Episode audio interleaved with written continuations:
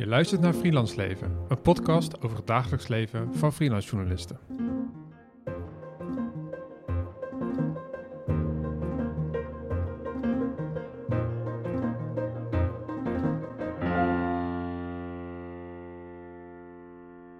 Wat is voor jou het freelance leven? Het belangrijkste woord wat ik daar meteen mee associeer, dat is toch wel verandering. Het verandert voortdurend, uh, zowel positief als negatief. Je luistert naar Freelance Leven, de podcast over het freelance leven van uh, journalisten. Uh, mijn naam is Sanne en ik ben hier samen met Erwin van het Hof, promotieonderzoeker. Ja, en in deze podcast behandelen we elke aflevering een paper wat ik tegen ben gekomen in het kader van mijn promotieonderzoek naar freelance journalisten. En deze keer zitten we met Selma Fransen. Kun jij iets over jezelf vertellen? Ja, um, ik ben uh, Nederlandse, maar dat hoor je niet zo heel goed meer, want ik woon al tien jaar in Brussel en ik heb een behoorlijk Vlaams accent gekregen. Um, ik ben ooit naar Brussel gekomen om in de journalistiek te werken.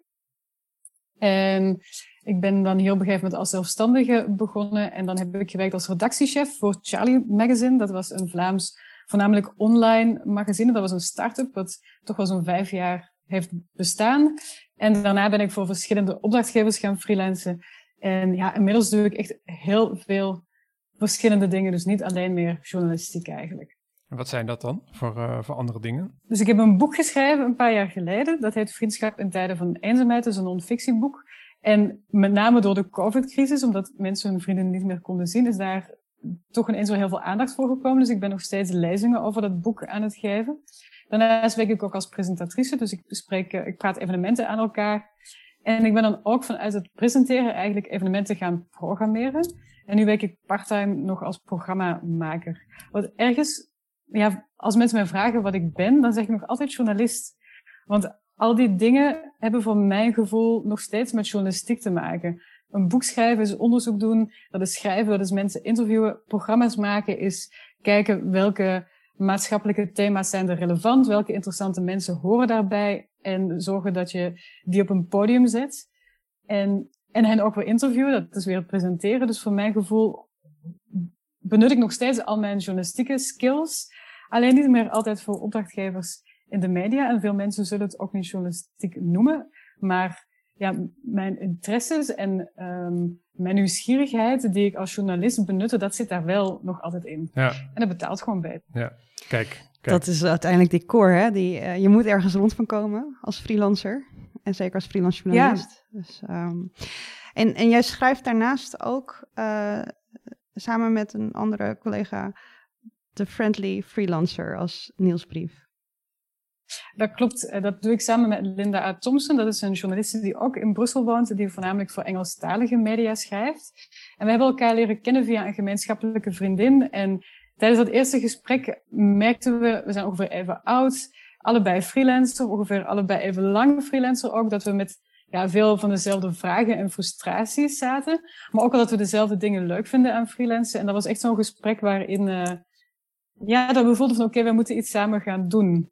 En zo is die nieuwsbrief geboren, omdat we ons ook wel allebei kwaad maakten over ja, tarieven, over de arbeidsomstandigheden van freelancers. En um, dat komt allemaal terug in die nieuwsbrief. En uit die nieuwsbrief ontstaat dan ook weer ja, een soort kleine community van andere mensen die daar ook mee zitten. Ik heb het gevoel dat er wel iets, mm, ja, dat we bepaalde frustraties uiten die je niet, niet zo snel op andere plekken tegenkomt. En dat zien we terug in onze mailbox. Mensen reageren daarop. Ja, die nieuwsbrief is ook echt de reden dat wij uh, ja, met jou dit gesprek wilden voeren. Want het, het, sluit echt perfect aan op een paper wat ik tegen ben gekomen uh, voor mijn onderzoek. Dus laten we even naar de introductie van het paper gaan en dan verder praten over de nieuwsbrief. Deze keer behandelen we Digitizing Freelance Media Labor. A Class of Workers Negotiates Entrepreneurialism and Activism. Het paper werd geschreven door Errol Salomon en verscheen in 2019 in New Media and Society. Ja, ik heb dit, dit, uh, uh, dit, dit paper nu uitgekozen omdat het heel mooi een soort spanning verwoordt, die veel freelancers misschien uh, ervaren. De spanning dat je aan de ene kant een individuele ondernemer bent en aan de andere kant ben jij iemand die zich onderdeel voelt van een collectief. Dus een collectief van freelancers. Dus aan de ene kant ben je dus een individu, en aan de andere kant zijn er veel freelancers die de, de wil hebben of uh, die, die zich graag wat collectiever zouden willen organiseren, ook om hun eigen arbeidsomstandigheden te verbeteren. En uh, het, het paper is gebaseerd op 21 interviews met, uh, met journalisten uit de Verenigde Staten en uit Canada.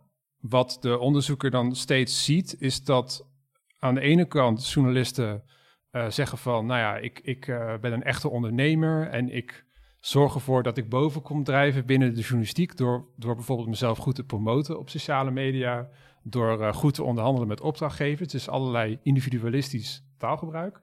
Aan de andere kant zeggen al die freelancers ook van ja, maar er zijn ook allerlei collectieve zaken binnen de journalistiek die ervoor zorgen dat ik mijn werk niet goed kan doen, dat ik niet goed genoeg verdien. Bijvoorbeeld, uh, wat vaak terugkomt, is dat als jij werkt met journalistieke opdrachtgevers, zeker als het hele grote opdrachtgevers zijn, dan moet je bepaalde voorwaarden tekenen, waardoor je de rechten kwijtraakt uh, over je werk. Bijvoorbeeld als ze het opnieuw willen publiceren of dat soort dingen.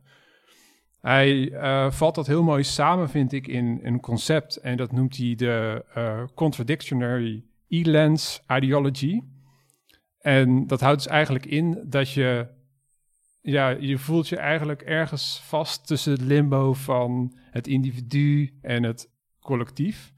En wat freelancers die deze onderzoeker heeft gesproken vaak doen dan is via digitale wegen, omdat ze vaak alleen werken of vaak thuiswerken, op zoek gaan naar steun bij anderen. Dus dan gaan ze uh, via Facebook-groepen met elkaar praten over het werk. Uh, dat kan ook natuurlijk niet digitaal, gewoon, gewoon samenkomen met andere freelancers en het hebben over het, het freelance leven. Uh, er zijn ook voorbeelden van Amerikaanse voorbeelden van freelancers die hun tarieven allemaal delen in een soort spreadsheet en die dan met elkaar verspreiden om het zo te kunnen hebben over de tarieven en of die wel eerlijk genoeg zijn. En ik vond vooral die, die spanning in dat concept heel mooi verwoord in, in, dit, in dit onderzoek. En ik denk dat het ook wel een soort gevoelige snaar raakt waar de meeste freelancers uh, zich wel in kunnen vinden. En uh, ik zag dat ook heel erg terug in, in jullie nieuwsbrief, in de Friendly Freelancer. Ik ben sinds editie 1, ik zag ik op Twitter voorbij komen, toen heb ik me geabonneerd en toen ben ik het gaan lezen. En daarin hebben jullie eigenlijk, het is natuurlijk een, niet echt een gesprek omdat het gewoon uh, steeds een nieuwsbrief is, maar jullie hebben wel allerlei onderwerpen, halen jullie aan uh, over, die, die eigenlijk allemaal neerkomen op die spanning. Zo van, ik ben alleen, maar we moeten eigenlijk ook samen ons inzetten voor betere arbeidsomstandigheden.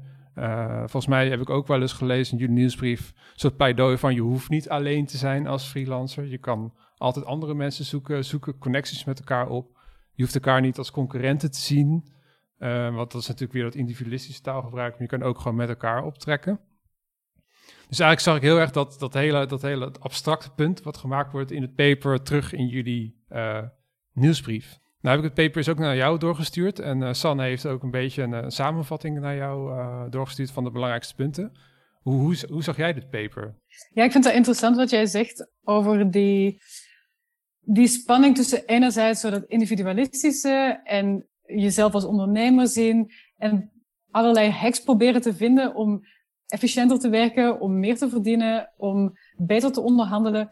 En anderzijds, ja, toch ook dat collectieve gevoel hebben en voor iedereen betere omstandigheden willen. En ik denk in onze nieuwsbrief dat eigenlijk beide elementen erin zitten. Dus wij, we zijn allebei wel Linda en ik zijn allebei wel geïnteresseerd in ja, hoe kunnen we efficiënter werken, betere tarieven krijgen, hoe, um, ja, hoe ga je om met, ook in het contact met je opdrachtgevers, hoe loopt dat gestroomlijnder? Want ik denk dat dat iets is waar veel freelancers tegen aanhikken, dat dat heel veel tijd vraagt en vaak onduidelijk is. En dat we, maar dat we dat uitzoeken en dat we dat niet voor onszelf houden, maar dat vervolgens delen met andere lezers. Onze nieuwsbrief is trouwens niet alleen op journalisten gericht, maar op creatieve freelancers in het algemeen. Want deze problemen beperken zich niet alleen tot de journalistiek. Ja. En vaak krijg je ook wel interessante uh, informatie en invalshoeken aangedragen van mensen die in andere sectoren werken. Dus daarom beperken we ons niet alleen daartoe. Dus ja, dat spanningsveld is er, maar wij proberen die kennis die wij hebben met anderen te delen. Omdat ook, ja, laten we eerlijk zijn, de meeste journalistiek opleidingen zit dat luik over ondernemerschap zit daar niet of nauwelijks in. Terwijl in de praktijk moet je wel een beetje ondernemer zijn. Dus je moet, alle, je moet altijd zelf het wiel uitvinden. En ook heel veel journalisten komen vanuit andere opleidingen waar dat ook wel niet in zit. Mm, dus je moet wel, je moet wel die ondernemerskant op. Maar ja, moet je dat alleen doen? Jullie vonden dus van niet en zijn dus die nieuwsbrief begonnen? Of hoe ging dat proces? Om de, wanneer kwamen jullie op die nieuwsbrief? Ja, we, keken, we waren eigenlijk allebei um, aan het kijken naar verschillende manieren om ons in te zetten voor betere arbeidsomstandigheden voor journalisten. We zijn allebei uh, in de raad van bestuur van de Vlaamse Vereniging voor Journalisten gegaan. En dat is ergens nuttig, maar anderzijds voelen we van oké, er zitten eigenlijk heel weinig freelancers in, er is vrij weinig representatie voor freelancers. Dat is een belangrijk orgaan, maar de, we willen ook rechtstreeks met andere freelancers kunnen communiceren. En ook onze frustraties zo wat uiten, ook soms heel kleine persoonlijke dingen, zoals ja, altijd alleen thuis zitten. Uh, dus daarom zijn we die nieuwsbrief gestart, echt als een plek waar uh, ja, we over van alles konden, konden ventileren. Je geeft aan van, joh, uh, veel journalisten krijgen dit allemaal niet mee bij hun opleiding. Um, dat vind ik wel heel herkenbaar. Ik heb zelf de school journalistiek in 2014 afgerond en die van in Utrecht. En daar had je dan wel een vak dat uh, freelancen heette. en het doel daarvan was voornamelijk om zoveel mogelijk naar netwerkbijeenkomsten te gaan. En ook om um, uren te maken. Maar dat waren vaak onbetaalde uren. En je moest vooral in dienst van een journalistiek medium moest je dingen maken. En dat, daar moest je uren voor af laten tekenen. Maar er werd helemaal niets aangemoedigd dat je daar betaald voor zou moeten krijgen. En eigenlijk heb ik toen op school al een soort van half meegekregen dat het best oké is als je voor veel te weinig geld een tekstje maakt of foto's maakt of een video aflevert. Uh, ik denk dat daar echt heel veel te winnen valt als je het hebt over die arbeidsomstandigheden en ook het opvoeden van freelance, freelance journalisten en freelancers. Dat je eigenlijk gewoon, ja. Ja, absoluut. Ja, en ik vraag me ook af in hoeverre mensen die doseren aan de journalistieke opleidingen zelf ooit als freelancer gewerkt hebben. Um, het is niet altijd, maar vaak zijn het mensen die wel uit de mediawereld komen en die nog altijd een vast contract hebben, die van een iets oudere generatie zijn. En ja, er verandert ook heel snel heel veel. Ik heb het gevoel dat die veranderingen niet altijd direct uh, ja, daar zijn, in die, aanwezig zijn in die opleiding. En veel dingen kom je ook pas gaandeweg tegen. Zo dingen als een kill fee voor een artikel. Hè? Dus dat je iets gepitcht hebt en om welke reden dan ook wordt het niet gepubliceerd. En dat je daar dan toch een vergoeding voor kunt krijgen. Ja, dat soort vraagstukken kom je pas tegen als je al een tijdje bezig bent. En wat doe je dan? Daar bestaat geen handleiding voor. Uh, het sterke aan, aan jullie nieuwsbrief is dat het heel erg in, de, in dat soort niche, in de weeds gaat eigenlijk van wat het leven als freelancer is. Uh, want je toch wel vaak als het in de bredere zin over ondernemerschap en journalisten gaat, dan, dan, ja, dan gaat het al gauw over start-ups en echt iets heel groots uh, beginnen. Uh, met een naam en weet je wel, een eigen redactie en, en dat, dat soort dingen. Dat, ik weet ook dat op scholen voor journalistiek wordt dat ook wel onderwezen. Zo van, je moet ondernemer worden. Nou, ondernemer is dus je eigen bedrijf beginnen en dan... Echt kantoorruimte huren. Ja, op kantoor of met z'n vier, uh, weet je wel, iets, echt iets uit de grond stampen. Maar in de praktijk is het freelance leven ook heel vaak gewoon dat soort hele kleine dingetjes. Je verhouden tot... Um, tot, uh, ja, tot de situatie die er is. Uh, hoe, hoe ga je om? Hoe, hoe schat je in dat een klant goed voor je is of, of niet goed voor je is? En wat ik ook wel heel mooi vind, is dat um, de emotionele dimensie heel erg in de nieuwsbrief zit. En, en dat is natuurlijk iets wat, uh, wat vanaf jullie kant vrij, vrij kwetsbaar is natuurlijk. Je stelt je wel kwetsbaar op. Hoe, hoe is dat om dat zo in de eten te gooien? Goh, ik denk, ja, dat is een heel goed punt. Um, met die emotionele kant, dat vind ik ook wel iets heel belangrijks om te benadrukken. Ik heb ja, lang gewerkt voor een online magazine dat echt heel erg dreef op zo van die persoonlijke verhalen. En enerzijds ben ik daar een grote fan van, want dat is een manier om te zorgen voor representatie. We deden dat, we vertelden die verhalen omdat we onszelf niet altijd gerepresenteerd zagen in de media. Dat onze magazine was vooral ja, jonge vrouwen die de lezerspubliek waren, maar die ook de redactie uitmaakten. En ik heb zelf ook heel veel persoonlijke verhalen toen al geschreven. Dus dingen die echt over mijn eigen leven gingen, dingen die ik meemaakte. Ik kreeg daar niet bijzonder veel voor betaald. Um, op zich dat heeft me wel visibiliteit gegeven. Dat heeft mijn carrière een enorme kickstart gegeven. Dus ik ga daar in dat opzicht niet over klagen. Maar feit is wel dat al die dingen nog op het internet ronddrijven. Um, en dat zie je denk ik bij veel jonge journalisten. Dat zo van die persoonlijke stukken over iets wat je in je leven hebt meegemaakt. Dat is vaak iets wat je redelijk snel schrijft. Je hoeft er geen research voor te doen. Dus uh, dat is een manier om jezelf in de markt te kunnen zetten met een uniek persoonlijk verhaal. En dan maakt dan misschien niet zoveel uit dat je daar niet zoveel voor betaald krijgt. Ik vind daar zit die precariteit al een klein beetje in, want dat, dat blijft je achtervolgen. Ook als je tien jaar later graag onderzoeksjournalistiek wil doen, dan is dat persoonlijke verhaal nog altijd iets wat je op Google gaat terugvinden, maar het is wel makkelijk en snel geschreven. Um, dus ik had daar al wel ervaring mee met zulke dingen te schrijven en met uh, ja, heel persoonlijke dingen online te gooien. Maar toch, dit voelt nog een stapje persoonlijker, want het gaat ook vaak rechtstreeks over mijn opdrachtgevers. Ja, want toen ik je mailde, zei je ook al van, oeh, ik hoop eigenlijk dat mijn opdrachtgevers uh, de nieuwsbrief niet lezen. Ja, dat klopt. Ja. ja, dat is waar. En daarom uh, durf ik hem bijvoorbeeld ook niet zo goed op LinkedIn of op Facebook te delen. Uh, omdat ik soms ook wel echt concrete voorbeelden heb aangehaald. Nu, ik heb één, ik denk een van de laatste nieuwsbrieven waar echt een, die ik geschreven heb, waar echt een persoonlijk uh, verhaal in stond. Dat ging over dat ik het echt bui was met de journalistiek.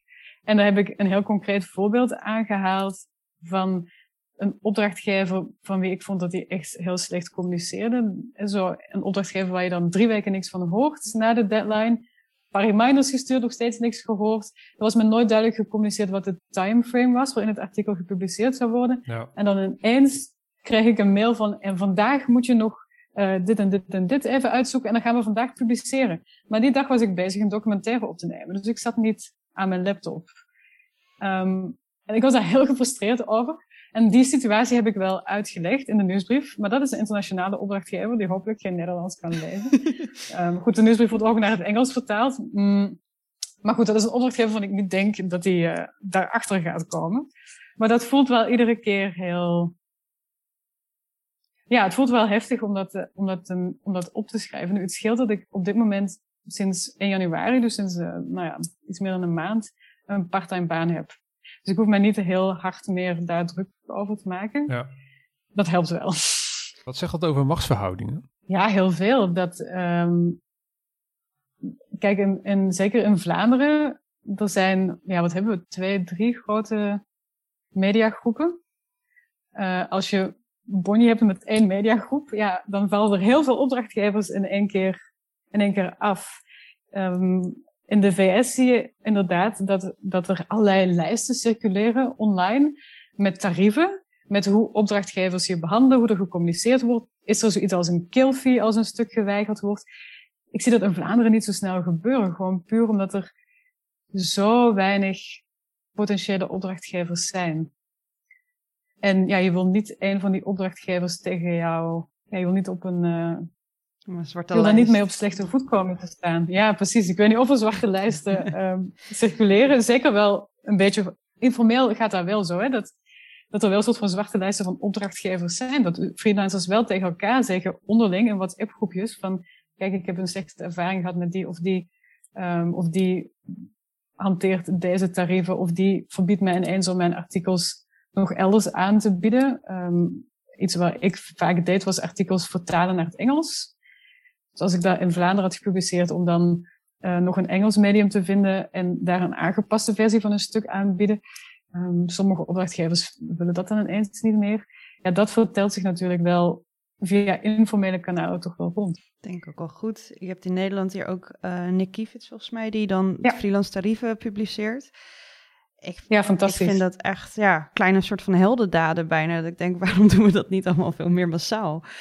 Uh, Absoluut. En wat ik zo goed vind aan uh, de website van Nick is dat het niet alleen tarieven zijn, maar ook die voorwaarden. ja, die arbeidsvoorwaarden. Ja. Je krijgt vaak die voorwaarden niet te zien. Dat gaat allemaal redelijk informeel. Je belt dus met een opdrachtgever, er gaan wat mailtjes rond, maar je, je krijgt geen voorwaarden te zien. Je, je stelt niet altijd je eigen voorwaarden. En dat gaat goed totdat er een keer iets misgaat. En dan weet je niet altijd wat, wat je rechten zijn. Ja. Nou, je vindt uh, Nick Kivets website op www.freelancevoorwaarden.nl. Dat zou ik nog even... Kleine shout-out naar Nick. Shout-out naar Nick. ja, goed.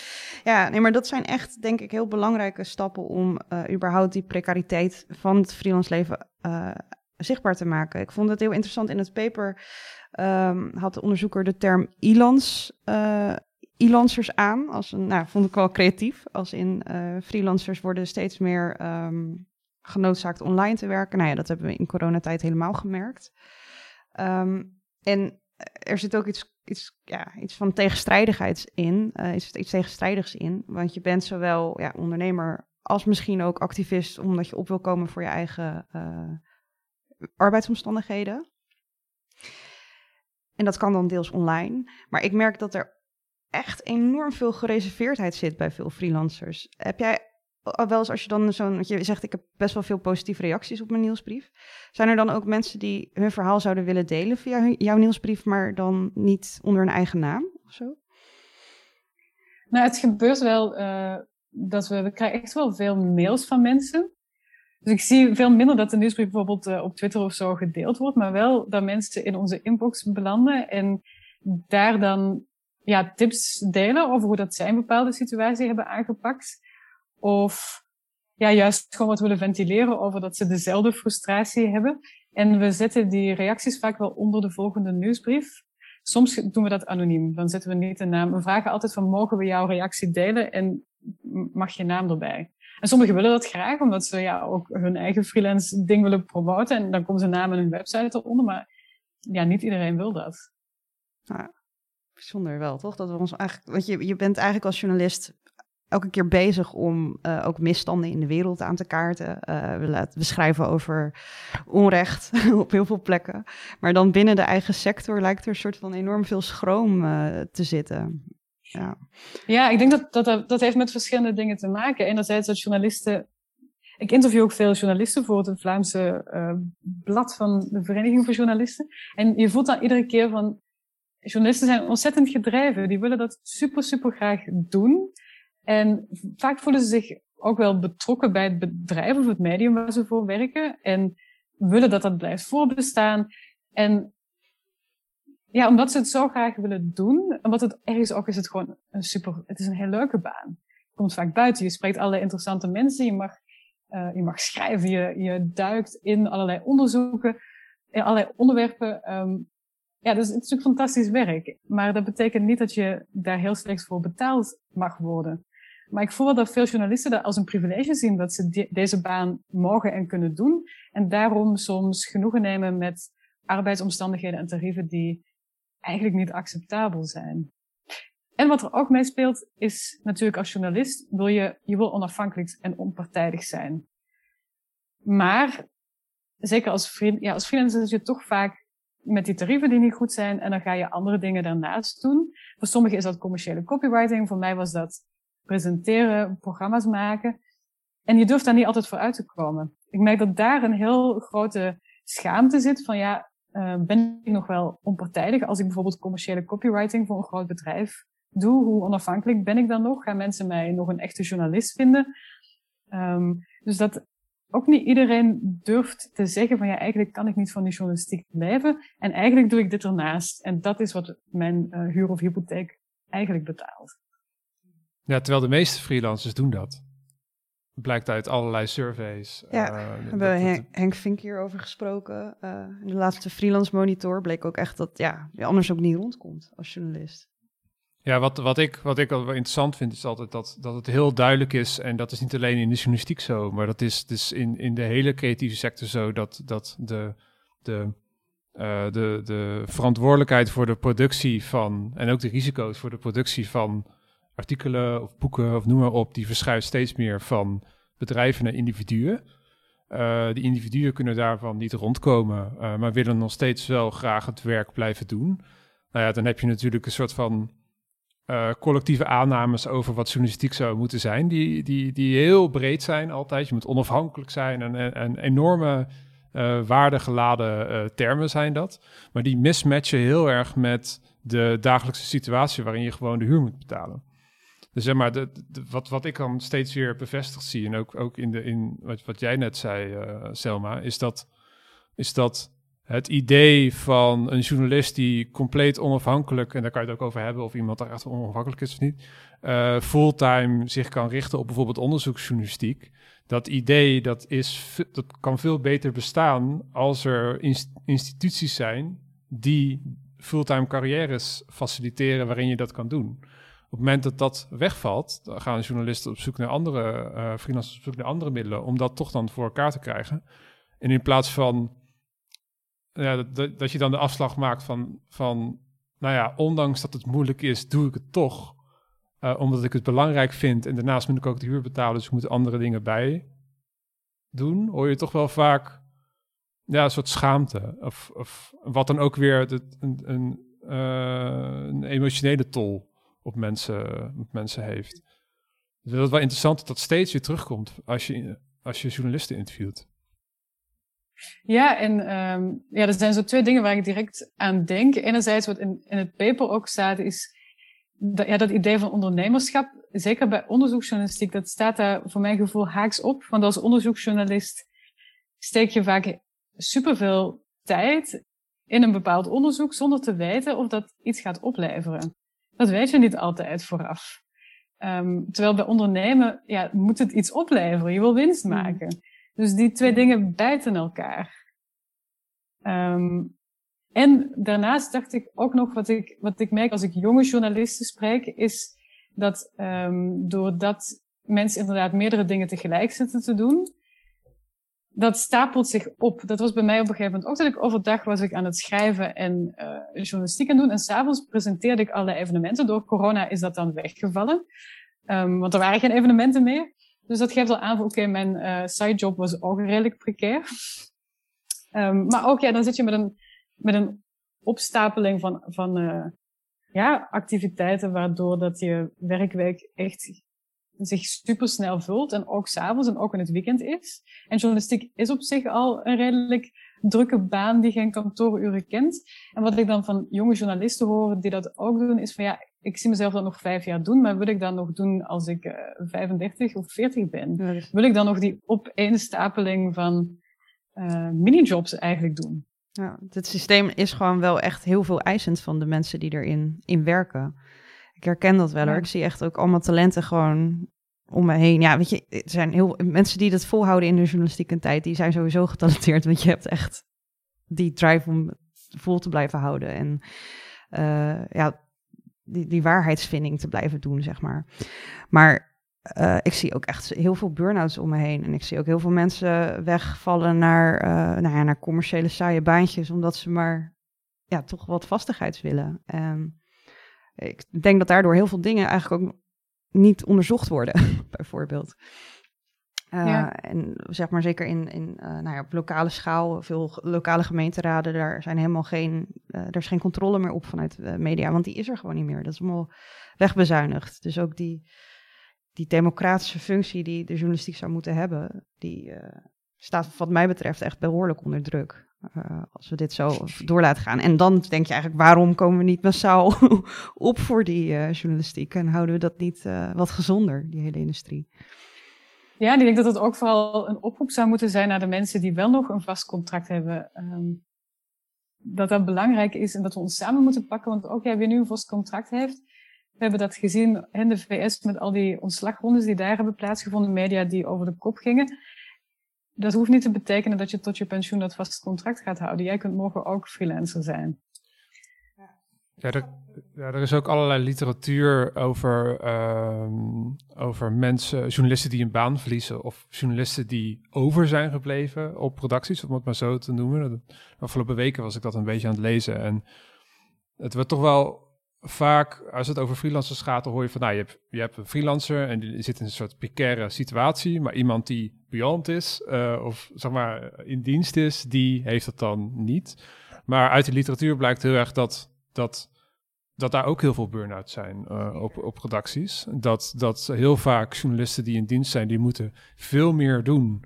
Uh, ook door de digitalisering moeten ze veel meer content maken, om het maar even zo on te noemen, met veel minder uh, mensen. en de meeste mensen die, die er nu nog zitten, die wat ouder zijn, die hebben heel veel ontslagrondes meegemaakt. En in één artikel werd dat ook een soort van de kans is dan vrij groot dat je in een soort kramp schiet, dat je niet wil innoveren, omdat je denkt van, nou ja, ik, ik, ik ben blij dat ik er nog ben. Dus ik wil ook niet te veel tegen de stroom ingaan, uh, want ik zit er nog. Want die mensen hebben natuurlijk ook gewoon uh, de huur te betalen. En, uh, en, dus het is een beetje de, die, die dichotomie tussen, tussen freelancers en mensen in dienst. Natuurlijk hebben mensen in dienst hebben een, een, een vast salaris wat ze steeds terugkrijgen. Maar die is niet zo hard als, als ik soms wel eens in het, in het werkveld zo terughoor. Zo van, uh, ook als, als er freelancers zijn die nu luisteren, die denken van, nou ja, als je in dienst bent, dan is alles geregeld. Ja, dan, ja, dan kom je ook weer in een andere soort situatie waar je afhankelijk bent van een bepaalde structuur en misschien niet altijd de tijd krijgt om de verhalen te maken die je wil. Uh, en, en altijd ontslagen kan worden en misschien geen vast contract krijgt, weet je wel, dat soort dingen. Ja, die werkdruk is natuurlijk voor iedereen ontzettend hoog. Hè? Dat is ook op mensen die op, vast op een redactie zitten, ervaren dat ook. En dat allround moeten zijn en voor online en voor print en video kunnen maken en een podcast kunnen maken en kunnen schrijven. Dat, dat geldt natuurlijk voor iedereen. En daarnaast ook, mm, ja, wat, wat is zo het doorgroeiperspectief voor journalisten? Vaak is dat dan, dan word je chef of manager. Niet iedereen wil dat ook. Veel journalisten willen graag blijven schrijven. Dus dat is ook zo'n lastige. En dan zie je inderdaad als de arbeidsomstandigheden niet zo omstandigheden niet zo goed zijn en er is geen perspectief op verbetering, ja, dat mensen dan ergens woordvoerder worden of ja, de communicatie ingaan. Hè? Mhm. En ik vond het ook wel interessant dat dus in dat paper wordt dan uh, ook over de toekomst van bijvoorbeeld de krant gesproken. Dat daar uh, ja, heel veel mensen eigenlijk een beetje het vertrouwen in kwijt hebben dat dat nog een sector gaat worden wat veel op gaat leveren. En ik denk, zolang ook van die grote ja, bedrijven als het Mediahuis en het DPG alles in handen hebben, dan is het ook bijna onmogelijk om met een andere krant daar tegenover uh, te concurreren, zeg maar. Want dat blijft, het is een markt geworden. Het is journalistiek is gewoon een groot verdienmodel voor veel bedrijven. En uh, ja, dat, wat ik heel interessant vond, is dat hij het dan dus ook heeft over die klassen in het artikel, of in het paper. waarin hij het eigenlijk heeft over dat ja, onbewust de werkende mensen veel meer met elkaar gemeen hebben dan dat je uh, uh, hebt met, ja, weet je, we zijn geen tegenstanders van die mensen die in loondienst zitten. Uh, er zijn geen concurrenten van elkaar, maar we zoeken eigenlijk allemaal naar een manier om die journalistiek als soort van ja, beroep te kunnen laten bestaan. Ja. ik denk dat die afstand ook heel groot kan voelen. Want zeker nu tijdens de lockdowns en zo, ja, als freelancer kom je nooit op die redactie je, je zit vaak te mailen met een, met een opdrachtgever die je nog nooit gezien hebt. Um, die dan misschien hè, wel een chef is die in, in loondienst werkt. Dan kan, dan kan dat heel, die afstand kan heel groot voelen. Um, terwijl inderdaad eigenlijk uh, zouden wij ons allemaal samen moeten pakken en ja, worstelen met dezelfde problemen. Wat heb jij, uh, want de, ja, de Vereniging Freelancer bestaat nu twee jaar, als ik het goed heb, ongeveer. Wat heb jij geleerd van van het starten van die nieuwsbrief? Dat, hoewel ik eigenlijk al best wel lang als freelancer werk, ik ben denk ik op mijn 21ste, zo direct na mijn afstuderen, heb ik me in Nederland al geregistreerd als freelancer. Dat er nog heel veel, dat er nog heel veel te leren valt. Ook van freelancers uit andere sectoren. En vaak zijn dat gewoon heel kleine kleine dingetjes. Uh, waarvan ik dan hoor van, ah ja, die doet dat zo of zo. Waarom doe ik dat zelf nog niet op die manier? Om een voorbeeld te geven, ik zie nu vaak dat mensen onder hun e-mailhandtekening zetten van, ik beantwoord mijn mail alleen op maandag en donderdag. Dat is niet voor iedereen haalbaar, maar ik dacht, ja, waarom eigenlijk ook niet? Um, want een van de problemen waar ik mee worstel als ja, omdat je ook ondernemer moet zijn en je moet ook uh, actief zijn op sociale media, wat ik trouwens niet doe, dat haat ik. Daar probeer ik echt onderuit te komen. Mhm. Maar ja, je hebt heel weinig schrijftijd over, want je bent bezig met je administratie, je bent jezelf aan het promoten, je bent uh, aan het pitchen, je bent aan het onderhandelen. Hoeveel schrijftijd is er dan nog? Dus als ik die e-mails alles op een bepaalde dag zou kunnen afwerken, alle niet dringende dingen, dat zou al enorm helpen. Dus het zijn vaak van die kleine hacks waarvan ik denk, ah ja, dat, dat zou ik ook kunnen, kunnen toepassen. En ja, andere mensen die zijn allemaal heel interessante, slimme dingen aan het doen. We moeten ons gewoon wat meer samenpakken en van elkaar leren. En hoe zou dat dan, uh, want dat, dat, dit zijn vooral, vooral hacks om je individuele leven uh, beter te maken weer, hè? Als, als ondernemer binnen die, die, die, die ja, precaire situatie waarin freelancers vaak werken. Heb je ook iets geleerd over hoe je structureel samen uh, dingen, dingen kan aanpakken of bespreekbaar kan maken? Ja, ik blijf dat een hele, een hele lastige vinden, maar ik denk vooral rond die tarieven, als mensen daarover ervaringen delen en vooral ook over hoe krijgen we die tarieven omhoog en als we dat allemaal massaal gaan proberen, daar valt wel, wel iets te, te veranderen. Want ik denk, het idee bij mensen, dat bij mensen blijft leven is van ja, als ik meer geld ga vragen en een ander doet het voor minder, dan, uh, ja, dan krijg ik die opdrachten niet meer. Maar als we nu allemaal onze tarieven omhoog gooien, of toch een, er een gewoonte van maken om, dat te, om te blijven vragen voor meer, dat dat een verschil kan maken. Dat is natuurlijk niet ja, dat is niet een grote collectieve actie, maar ik denk dat we dat wel allemaal. Zijn haalbare stapjes in principe. Als ja. het, uh... En niet alleen voor onszelf, maar dat je ook beseft van als ik voor meer vraag, of als ik voor betere omstandigheden vraag, dan doe ik dat ook voor anderen. Want als de, de volgende dat dan vraagt, dan hebben ze het tenminste niet voor de eerste keer gehoord.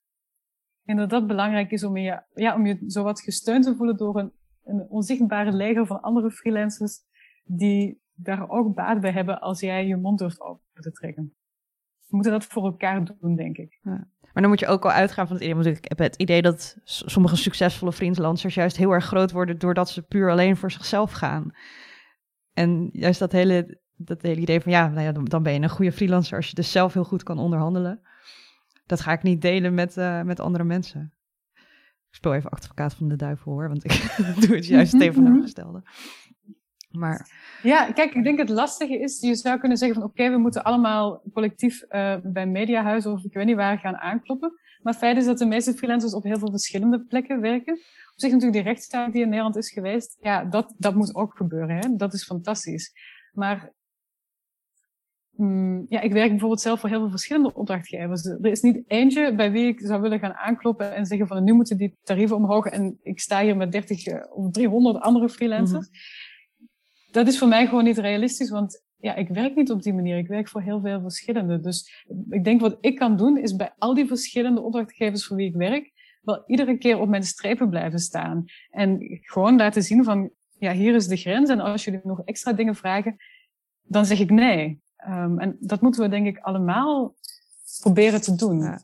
Überhaupt dat nee zeggen is als freelancers. Tenminste, ik, ik weet niet of je dat ook zo ervaart, maar ik vind dat echt heel lastig. Want ik ben altijd bang van, oh shit, straks kan er uit die opdracht die dan nu aangeboden wordt, toch nog iets heel anders tofs komen, wat me nog veel verder kan gaan helpen. Dat is echt lastig. Ja, ik denk dat nee zeggen, dat is realistisch gezien. Ik bedoel, ik ben 34 en ik ben al lang bezig. En ik heb nog andere, ja, ik heb gewoon verschillende opdrachtgevers waar ik echt op kan terugvallen, die niet journalistiek zijn. Dus nu kan ik nee zeggen. Maar een paar jaar geleden kon ik dat ook gewoon niet. Ja, Nee, dat, ja, dus je moet ergens beginnen, inderdaad. Ja. En als je in die positie bent, is het wel ja, belangrijk om, om ook je opdrachtgevers wat op te voeden. Al is het maar over kleine dingen zoals duidelijk communiceren wanneer dat een artikel binnen moet zijn en wat vervolgens dan het traject is. En wanneer dat ze bij je terugkomen over dingen. Wanneer dat er iets geleverd moet worden. Hoeveel rondes gaan er over iets heen? Um, ja, gewoon, of, of überhaupt al het antwoorden op mails. Dat is iets wat, wat ik bij heel veel freelancers hoor. Van je doet een voorstel en je stuurt een reminder en nog een reminder. en je doet gewoon nooit iets. Ja. Um, ja, dat, dat, dat soort kleine dingen, dat, daar al, dat we dat niet gewoon maar slikken en, en doen alsof dat erbij hoort. Ja, wat ik heel interessant vind aan, aan jouw verhaal, uh, heb je ook een paar keer gezegd, is dat je in principe kan je leren om je te navigeren door het huidige uh, journalistieke landschap en, en, en daarbuiten uh, natuurlijk ook. En dat het, dat het een beetje trial and error is uh, voor veel mensen. Dus, dus, dus in het begin ga je met een soort, soort bijna een soort naïviteit ga je de journalistiek in en dan zie je jezelf, ik, ik zeg maar iets hoor, al werken bij prestigieuze plek X. Misschien heb je ooit een sollicitatiebrief daar naartoe gestuurd en dan was je een van de 600 en dan was je het niet geworden. Bijvoorbeeld, ik zeg maar iets. En dat, ik merk toch gewoon vaak dat, dat als je dit soort geschiedenissen van een vriendenspraktijk uh, hoort, dat je dan, ja, toen kwam ik erachter dat dat eigenlijk een, een dood einde was. Of ik hoopte heel erg dat dit soort werk tot iets anders zou, leiden, maar toen is het toch weer anders gelopen als ik dacht. Of de tarieven vielen tegen, of de opdrachtgever die zo prestigieus was, die viel eigenlijk ook een beetje tegen. Uh, of juist niet natuurlijk. Hè. Het, uh, het, kan natuurlijk allerlei kanten op gaan. Wat ik heel erg hoop, wat, wat jouw nieuwsbrief uh, teweeg brengt, en, en ook deze podcast natuurlijk, is dat, dat het misschien voor sommige mensen niet 14 jaar duurt voordat ze tot bepaalde soort conclusies komen.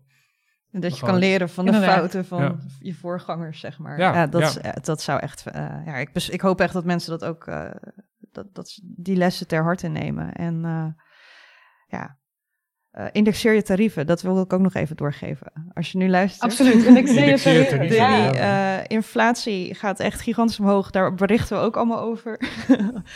Dan moeten ja, en de energieprijzen. En, en we zitten thuis kantoor te hebben. Hè, um, Waardoor dat we nog extra last hebben van de energieprijzen. Ja. ja, inderdaad. Neem dat mee in je tarieven. Ja, maar dat is af en toe echt, als ik dat dan aan collega uh, freelancers zeg, die zitten me nou zo aan te kijken van, oh, ja, maar dat vind ik eng. Terwijl er zijn voorbeeldbrieven uh, bij, uh, in ieder geval de, de Nederlandse vakbond voor journalistiek heeft gewoon voorbeeldbrieven op de website staan. En, en ja, ik denk dat we dat ook allemaal bespreekbaar moeten kunnen maken. Ja, vanuit Vlaanderen zijn er ook oproepen gelanceerd aan, de, aan de mediabedrijven om te indexeren. Dus dat is ook belangrijk. Je kunt je daar inderdaad door gesteund voelen en uh, dat, ja, dat je niet de enige bent, maar dat er ook grotere bewegingen achter je staan die, dat, die, die daarvoor pleiten en dat je daar individueel bij aansluit. En dat stukje van het is eng, ik denk dat dat voor mij het belangrijkste is wat ik uit die nieuwsbrief ook wel gehaald heb dat als ik iets engs doe, dat, ik, dat er altijd mensen in de inbox komen die zeggen, ja, ik heb dat ook gedaan, ik vond het ook super eng, maar het is wel gelukt. Hmm. Of het is niet gelukt, maar ik wijk, ah, er is iets anders uit voorgekomen. Of, ik, of die opdrachtgever uh, heeft me niet meteen aan de kant gegooid. Um, dus daar is zo dat, dat contact met andere freelancers heel belangrijk om te zien van, oké, okay, het is eng, maar we gaan het nu allemaal doen. Ja. Die sowieso dat iets eng is, is nooit een reden om het niet te doen. Uh, vind, vind ik dan altijd. En, uh, maar het is wel iets waardoor je het heel lang uitstelt. Dat is wel tenminste. Ja. Ik daar vaak ook wel zelf op tegenaan. Ja. Maar dat zorgt ook, dat zorgt ook, dat denk ik dan, dat zorgt ook weer voor heel veel frustratie. Uh, die misschien onnodig is. Als jij bijvoorbeeld ontevreden bent over. Laten we het in het um, inflatievoorbeeld geven. Je ziet dat de inflatie omhoog gaat. je wil je tarief laten indexeren, maar je durft het niet te doen. En nou ja, dan, dan bouwt het op en op een gegeven moment dan is het een hele logische reactie om dan boos te worden op je opdrachtgever, want die gaat toch nee zeggen en het, het komt toch niet goed en zie je wel en ze zorgen niet goed voor me of wat dan ook, wat je dan ook denkt. Terwijl als je gewoon een mailtje stuurt, dan heb je maar eigenlijk maar twee uitkomsten. Dat is één, of je weet waar je, dus je weet sowieso waar je toe bent, of ze zeggen nee, maar je kan heel goed argumenteren waarom het ja moet zijn. Dus dan misschien bespaar je jezelf dan ook een hoop uh, ja, emotionele stress. Ja, je hebt, er kan een ja van nee komen of, uh, of weer dat geen antwoord. Ik denk dat dat echt iets is waar... Ja, dat is echt mijn ja. allergrootste frustratie. Ja. Die grote radiostilte die er dan soms, soms komt. Maar anderzijds, we zeiden dat er net ook al, mensen op redacties zitten ook met, met een gigantische werkdruk. Dus ergens snap ik het ook als die mail niet beantwoord wordt. Maar ik denk dat dat, dat maakt dat het is eng veel groter en langer duurt, want je hoort maar niks. Mhm. Maar ook, en dus dan is het een kwestie van reminder sturen totdat je die ja of die nee krijgt. Dus ja, dat, dat, is, dat is waar. Dat, uh, dat zorgt voor best een hoge emotionele druk. En ja, ook wel uren dat je daarover zit te malen en wakker ligt. En dat wordt wel beter naarmate je ouder wordt. maar goed, zo, dat zou niet nodig moeten zijn, hè? Maar ja. Wat zou jij nog mee willen geven aan een freelancer die je nu luistert en het gesprek zo heeft gehoord? Ja, zie andere freelancers niet per se als concurrenten. Probeer die te zien als mensen die in hetzelfde schuitje zitten. Praat ermee. Zorg echt dat je een groepje mensen hebt bij wie je dat je kunt ventileren, maar ook bij wie dat je successen kunt delen, die mensen in loondienst niet altijd zullen snappen. En kijk zeker ook naar mensen in andere sectoren, want daar kun je wel veel van leren hoe zij dingen aanpakken. En ook om te zien dat sommige dingen in onze sector gewoon echt niet oké zijn. En als iemand nu helemaal enthousiast is en uh, de nieuwsbrief wil volgen, hoe kan diegene dat doen? Dat kan via thefriendlyfreelancer.substack.com. Staat ook in de show notes. Salma, enorm bedankt uh, voor al je inzichten. Dit, uh, is heel goed, denk ik, om dit gesprek te blijven voeren. Ja, jullie bedankt dat jullie daar uh, zoveel aandacht aan besteden. Ja, heel erg bedankt. Dat gebeurt nog te weinig. Ook onze eerste internationale uh, gast natuurlijk, want je belt vanuit Brussel. Ja, vandaar dat we, dat ja, we niet, zitten nu niet bij elkaar. We zitten, zeg maar, Erwin en ik zitten bij elkaar. Jij uh, belt in via een videobelprogramma. Uh, fijn dat het zo kan. En, en dat is ook wel weer tof aan het freelance leven nu. En dat e-lensen. dat we nu uh, op deze manier toch met elkaar uh, in gesprekken hebben kunnen gaan. ja, we gaan je, je nieuwsbrief, de Friendly Freelancer, blijven volgen. en ik hoop dat je opdrachtgevers opgevoed worden. Vond ik een heel mooie, mooie uitspraak. Ja, heel erg bedankt. Ja, jullie bedankt. Freelance Leven wordt mede mogelijk gemaakt door het Lira-fonds RepoRecht. Mijn promotieonderzoek, dat ten grondslag ligt aan deze podcast, wordt mogelijk gemaakt door Stichting Democratie en Media en het Stimuleringsfonds voor de Journalistiek. Wij zijn er volgende maand weer met een nieuwe aflevering. Tot dan!